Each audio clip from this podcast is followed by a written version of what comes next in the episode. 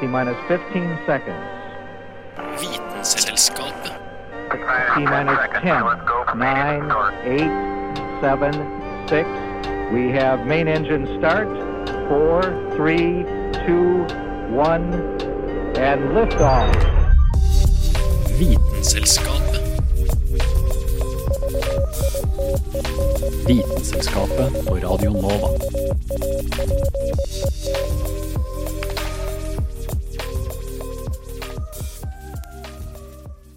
Ja, da var det tirsdag, og Vitenselskapet er tilbake i radioen din. Og det er jeg også. Det er utrolig deilig. Aurora Thommessen eh, til dere faste lytterne som eh, husker meg. Nei da. Men eh, deilig å være her. Deilig å være på Nova. Og her er jeg sammen med Grydeland-søstrene Kristin og Hanne. Hei, hei. Hallo! Og vi skal i dag snakke om et grunnstoff. Første grunnstoffet vi har, faktisk. Ja. Ikke bare selve stoffet, da. Litt om anvendelsesområdene også. Ja, Ja. Nå selger du det inn bra. Det, det kommer til å bli eh, spennende. Eh, Det er iallfall det vi legger opp til. Og dere har det bra? Vi gjør det bra. Da peiser vi på. Du hører på Vitenselskapet på Radio Nova.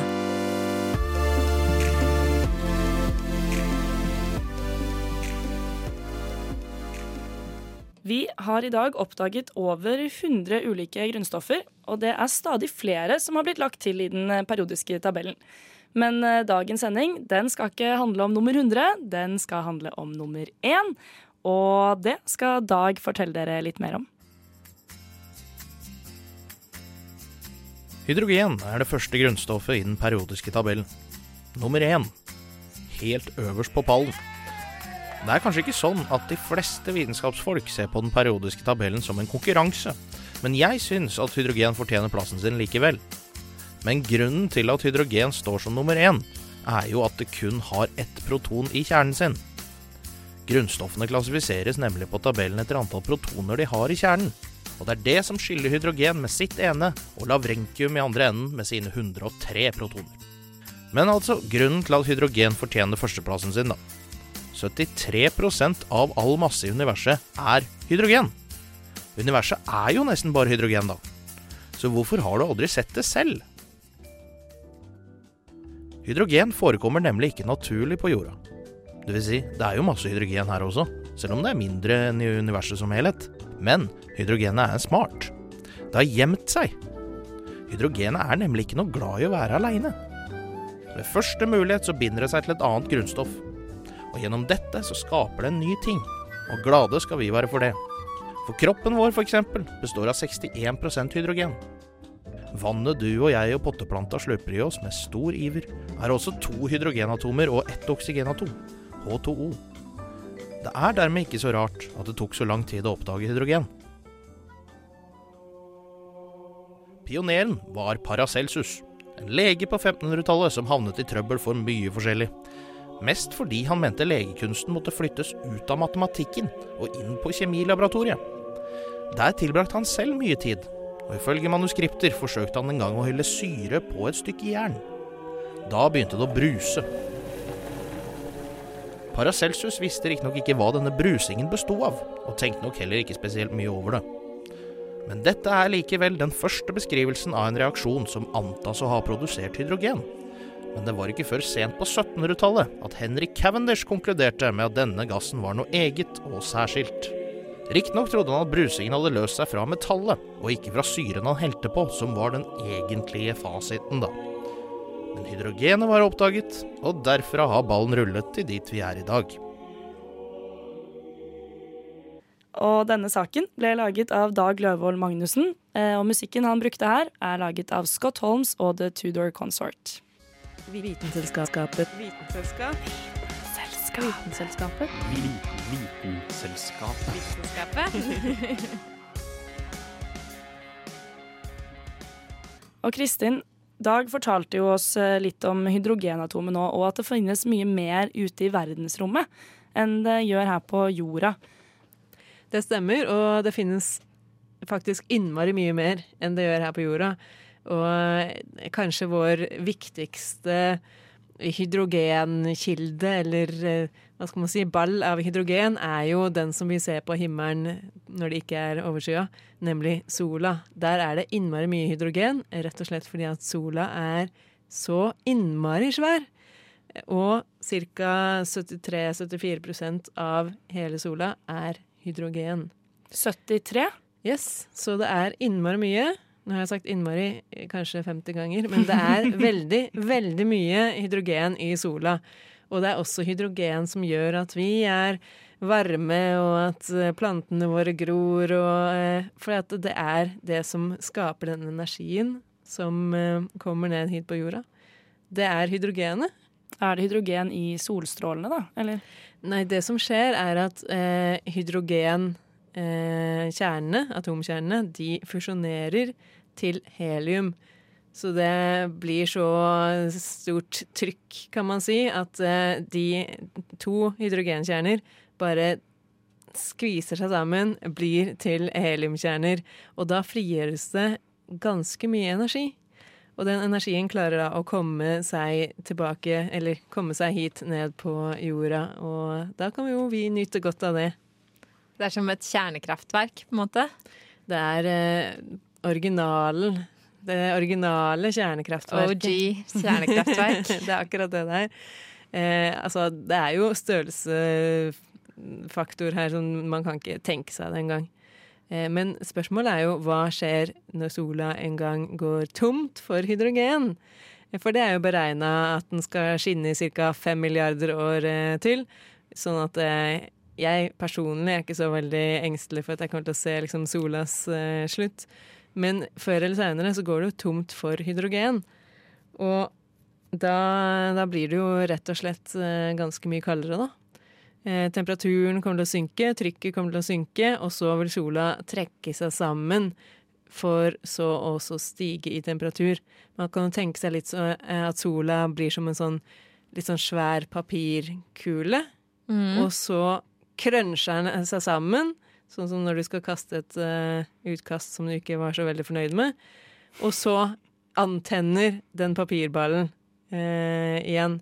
Og det som da skjer, er at eh, det heliumet rett og slett begynner å brenne. For at når hydrogenet er borte, så har det bare blitt helium igjen. Og når det heliumet da begynner å brenne ved sånn 100 millioner grader, så det skal være ganske varmt, så eh, begynner det å brenne, og da fusjonerer heliumet igjen til beryllium og karbon, og så det, kan det bli flere stoffer etter hvert. Og eh, det som er litt interessant, da, er jo at sola blir flere hundre ganger større. Det blir faktisk til en rød kjempestjerne.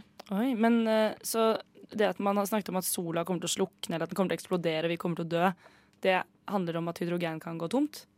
Altså, når hydrogenet blir tomt, så, så, skjer det kjipe ting med sola. Eh, men eh, om det kommer til å ha noen store følger for oss, det er jo veldig vanskelig å vite, fordi det her er jo fem milliarder år til, antageligvis. Ja, Det spørs hvor mange pandemier vi må gjennom før den tid. Hvor mange Ikke mennesker sant? som er igjen til slutt. ja. Ja. ja. Men da, vi kanskje, da, har vi kanskje teknologi til å taue til oss en ny stjerne eller noe sånt noe. kanskje vi har reist videre, funnet uh, litt uh, mer juicy planeter som vi kan uh, bruke opp.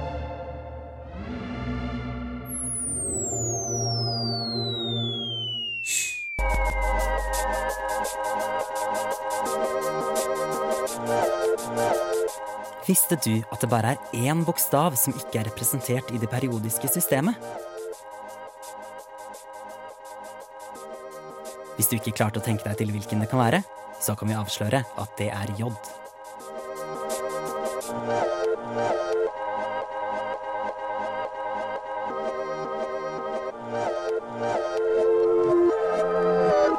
Og da skal vi videre til eh, en sak som handler om en mann som da har brukt eh, hydrogen til eh, noe fornuftig.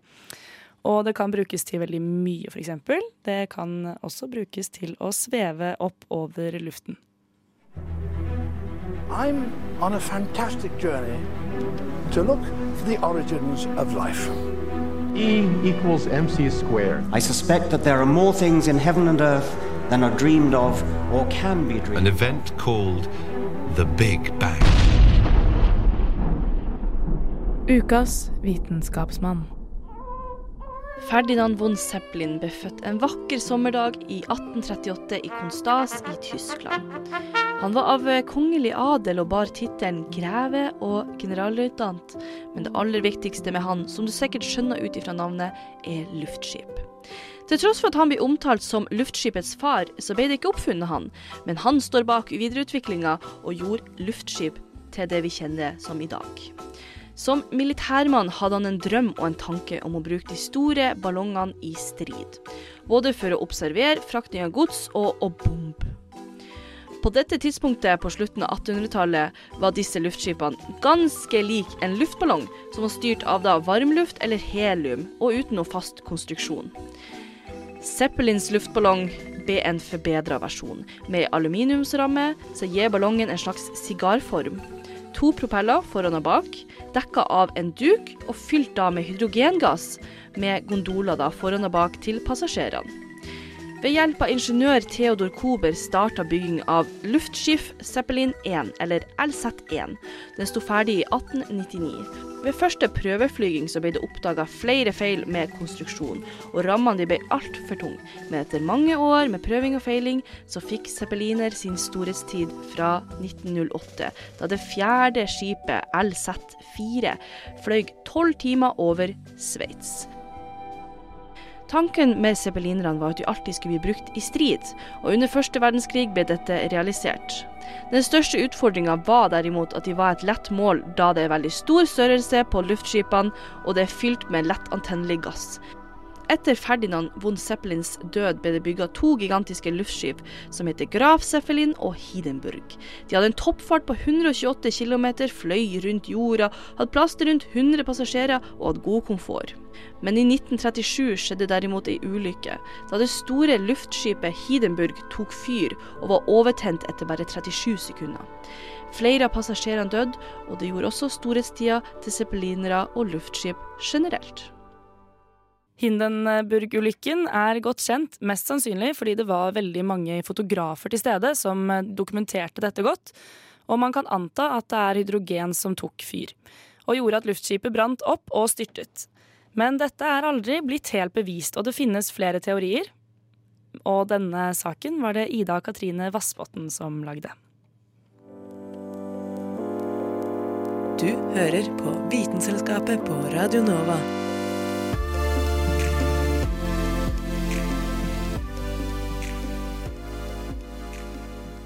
Ja, og vi skal videre og snakke mer om hva man kan bruke hydrogenet til. Fordi det som sagt kan brukes til veldig mye ulikt. Stemmer ikke det, Hanne? Jo, eh, zeppelinere er kanskje litt eh, utdatert. Ser ikke dem så mye lenger. Men vi ser jo hydrogendrevne farkoster cruise rundt i gatene.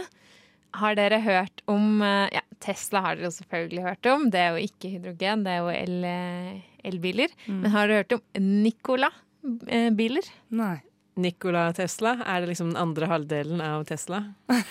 Eh, det kan nok eh, være et lite ordspill eh, på det. Det finnes et selskap som heter Nikola, som produserer ikke biler primært, men lastebiler, altså trucker. Ikke basert på elektrisitet som Tesla, men basert på hydrogen. hydrogen er jo noe som mange snakker om, som, og hydrogen kommer, det skal drive bilene våre framover. Eh, spørsmålet er jo litt hvordan det skjer, og hvorfor eh, Nicola da satser på lastebiler og ikke biler. Kan dere tenke dere et svar på det? Kanskje det tar ganske stor plass, for en bensintank den er ikke så veldig stor, men hydrogen vil jeg tro at tar litt stor plass.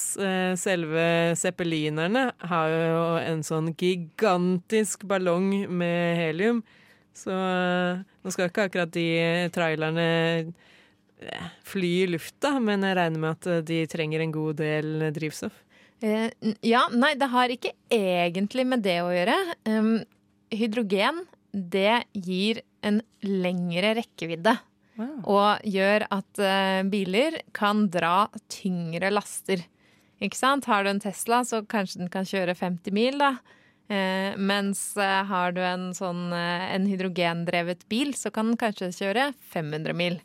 Eh, så, og det er jo fordi Eh, med hydrogen så bærer du med deg drivstoffet ditt, som du gjør om til elektrisitet, på Altså i bilen. Oi, hvordan skjer det? Godt spørsmål, Aurora. Um, la oss si du har en tank med hydrogen. Uh, I bilen så har du en uh, elektromotor, og så har du noen membraner og noe greier. Det som skjer, er at hydrogen kommer inn i uh, motoren. Og, et hydrogenatom det består jo av et elektron og et proton. I motoren så gir hydrogenatomet fra seg elektronet så da har du på en måte et løst proton, et løst elektron. Eh, protonet det går gjennom en membran. Elektronet det kjører gjennom elektromotoren i bilen. Og det er her du får strøm. Okay. På andre siden av membranen så møter elektronene og protonene hverandre igjen. Blir til hydrogen. Eh, og så møter de på eh, oksygen fra lufta og blir til vann. Oi, hva bruker man vannet til? Eh, vannet blir bare sånn vanndamp. Ok, Så istedenfor eksos, så er det vann, da? Ja, ja. ikke sant? Begynne å produsere sånn Imsdal på baksiden. Sånn nye Voss-flaskene. Ja, Kanskje man kunne tatt de eh, trailerne og så kjørt dem rundt i liksom, steder som, eh, hvor det er veldig tørt, da. F.eks. Australia, med store avstander og innmari tørre grunn. Så kanskje den kunne liksom tatt eh, slått to fluer Men er ikke hydrogen ganske tennbart? Eh, ja, visstnok ikke noe mer enn vanlig drivstoff. Ok, Så det er ikke noe verre enn bensin eller Nei, altså man må jo ha liksom sånne ventiler og detektorer og sånn på plass. da. Eh, men det som er med hydrogen kontra elektrisitet, ved, eller ved elbiler, elmotorer, så bruker du jo nesten all elektrisiteten blir jo til framdrift. Ca. 90-95 Mens eh, en, eh, med hydrogen så har du veldig mye energitap fra liksom hydrogen i tanken til den framdriften du får. Um, men du får fortsatt Altså det er liksom rundt 30-40 da. Uh, men du får fortsatt uh, mer energi fra hydrogen enn det du ville fått ved en dieselmotor, f.eks. Okay. Uh, men du må jo ha dette hydrogenet på tanken også. Og hydrogen det fins jo ikke for seg selv ute i naturen, så da må du enten så kan du få hydrogen ved å spalte vann ved bruk av elektrisitet. Eh, eller så kan du få hydrogen ved å gjøre om naturgass, altså metan, til eh, henholdsvis hydrogen og eh, CO2. Ok, Men så er dette det store spørsmålet, da. Er det mer miljøvennlig enn eh, bensin og diesel? Og der eh, spørs det jo helt hva slags energikilde du bruker. For bruker du elektrisitet fra fornybare energikilder til å produsere eh, hydrogen fra vann, så eh, har du en ganske miljøvennlig kilde. Og du kan også lagre, hvis du går den andre veien, da, eh, såkalt reformering av naturgass, så kan du lagre CO2-en på havbunnen.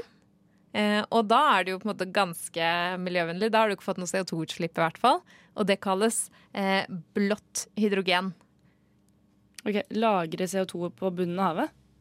Yes. yes. Ok, Så da kan det være at vi ser mer til eh, hydrogenbiler da, i fremtiden? Det gjør det nok helt sikkert. Vitenselskapet. Vitenselskap. Vitenselskapet. Vitenselskapet. Vitenselskapet. Hydrogen det er så vanlig blant oss at det til og med er en viktig ingrediens i vannet vi drikker eh, hver dag. Det var vi jo litt inne på her i stad, med at det blir et biprodukt etter at man eh, har det på tanken til store lastebiler. Og det finnes flere typer hydrogen som kan gi oss forskjellige typer vann. En av disse vanntypene kan eh, brukes til å lage atombomber.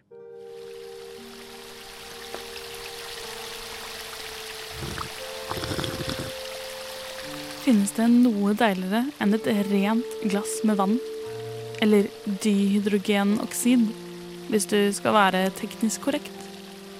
Den viktigste næringskilden til alt liv på jorda. Men ikke alt vann er likt.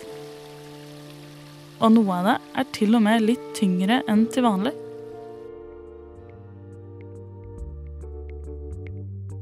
Ja, for tungtvann er nemlig det. Tungt. Eller i hvert fall tyngre enn det vanlige vannet vi får ut fra springen. Selv om du kanskje ikke husker så mye fra naturfagstimene, er det vanskelig å glemme at den kjemiske formelen for vann er H2O. Altså består det av hydrogen og oksygen. Men hydrogen kommer i tre forskjellige varianter, eller isotoper som det kalles i kjemiens verden. Protium, deuterium og tritium. Protium er den typen som vanlig drikkevann inneholder mest av, mens deuterium er den typen hydrogen som forekommer mest i tungtvann, og er dobbelt så tungt som protium. Dette gjør at tungtvannet er ca. 11% tyngre enn vanlig vann.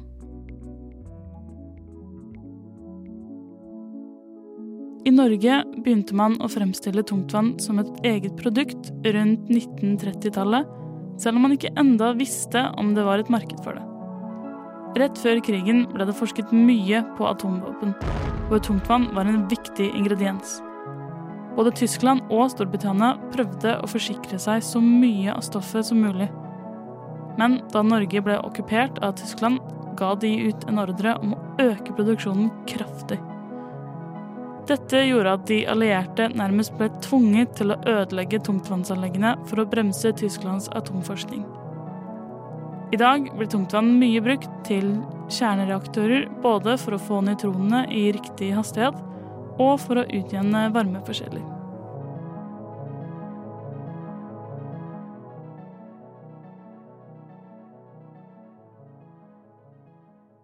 Selv om det går helt fint å drikke et par slurker, par slurker med tungtvann, så er det ikke sånn veldig sunt, og du skal helst ikke ha i deg for store mengder av tungtvann. Så vi har et tips herfra i dag, og det er å holde seg til det vanlige vannet. Og dette innslaget ble laget av Juliane Li Fjell.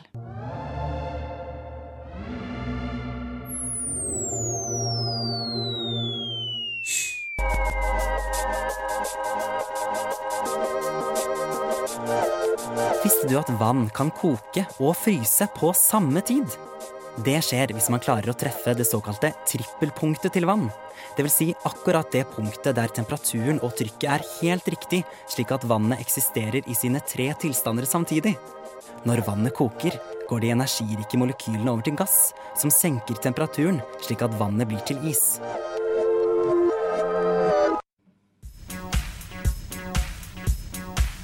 Hæla i taket med Vitenselskapet.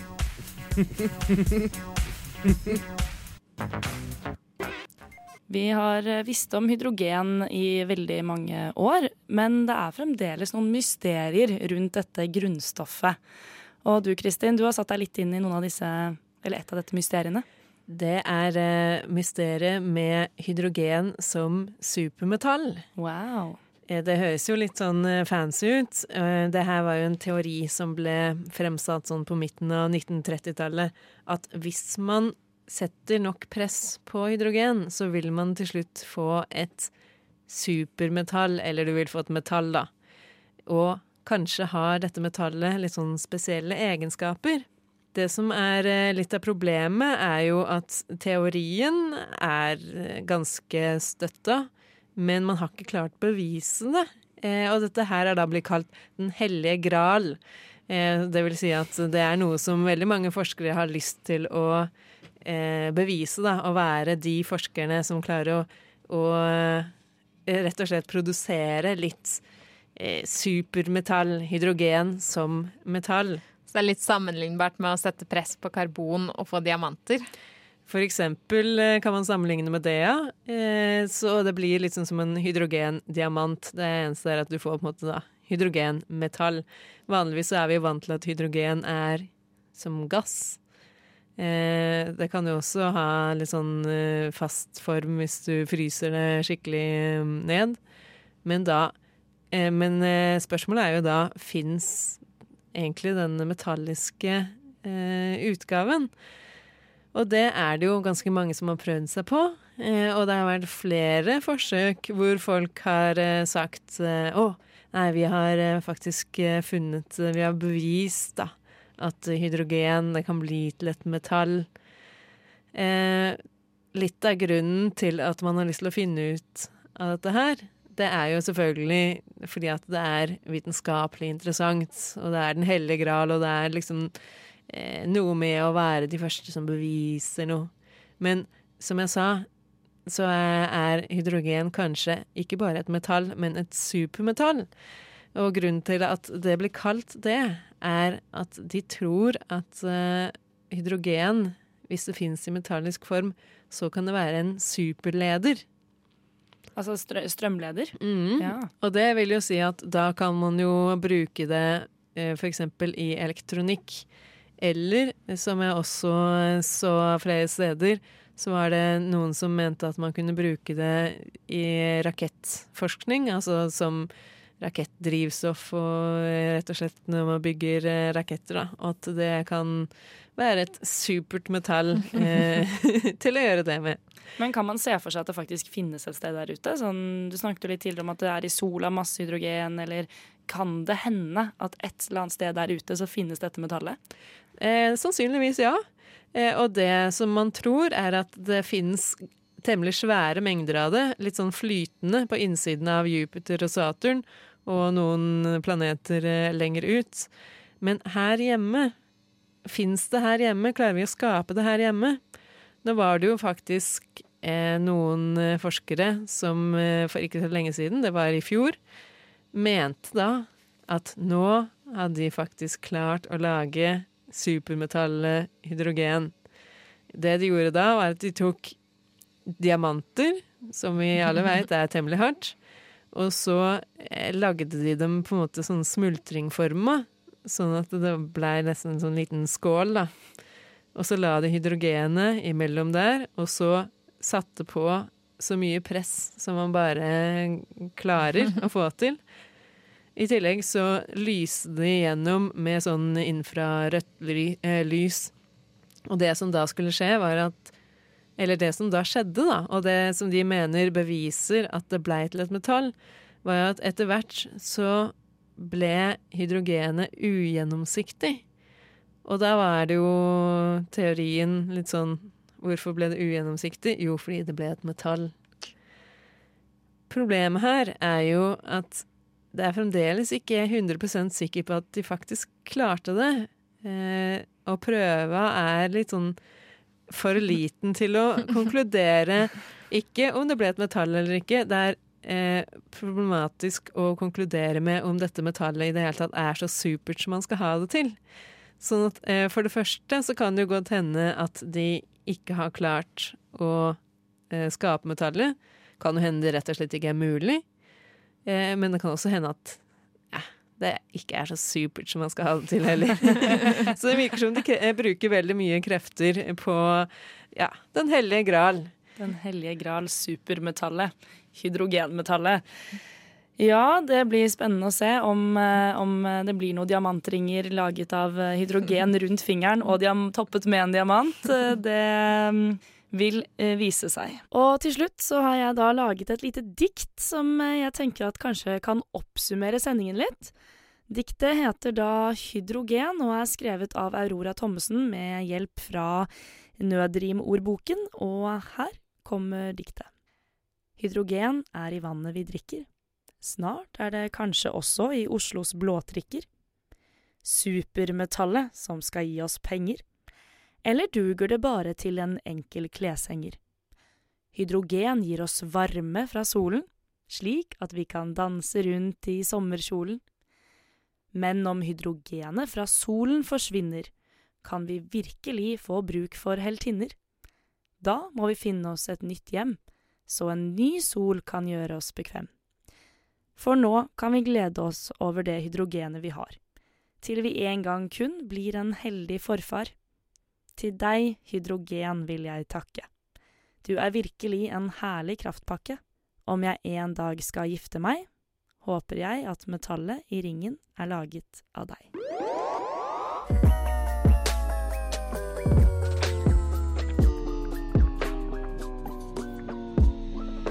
Vitenselskapet. Ja, og da var eh, dagens sending eh, over for denne gang. Det har vært veldig hyggelig å ha deg med på øret der ute. Og Hanne Grydeland og Kristin Grydeland har vært et supergodt selskap for meg her på Radio Nova i dag. Takk for det. Takk. Da er det bare å høre oss på Soundcloud eller din eh, foretrukne podkast-app. Mitt navn er Aurora Thommessen, og vi gleder oss til å være tilbake i radioen din neste tirsdag. Nova.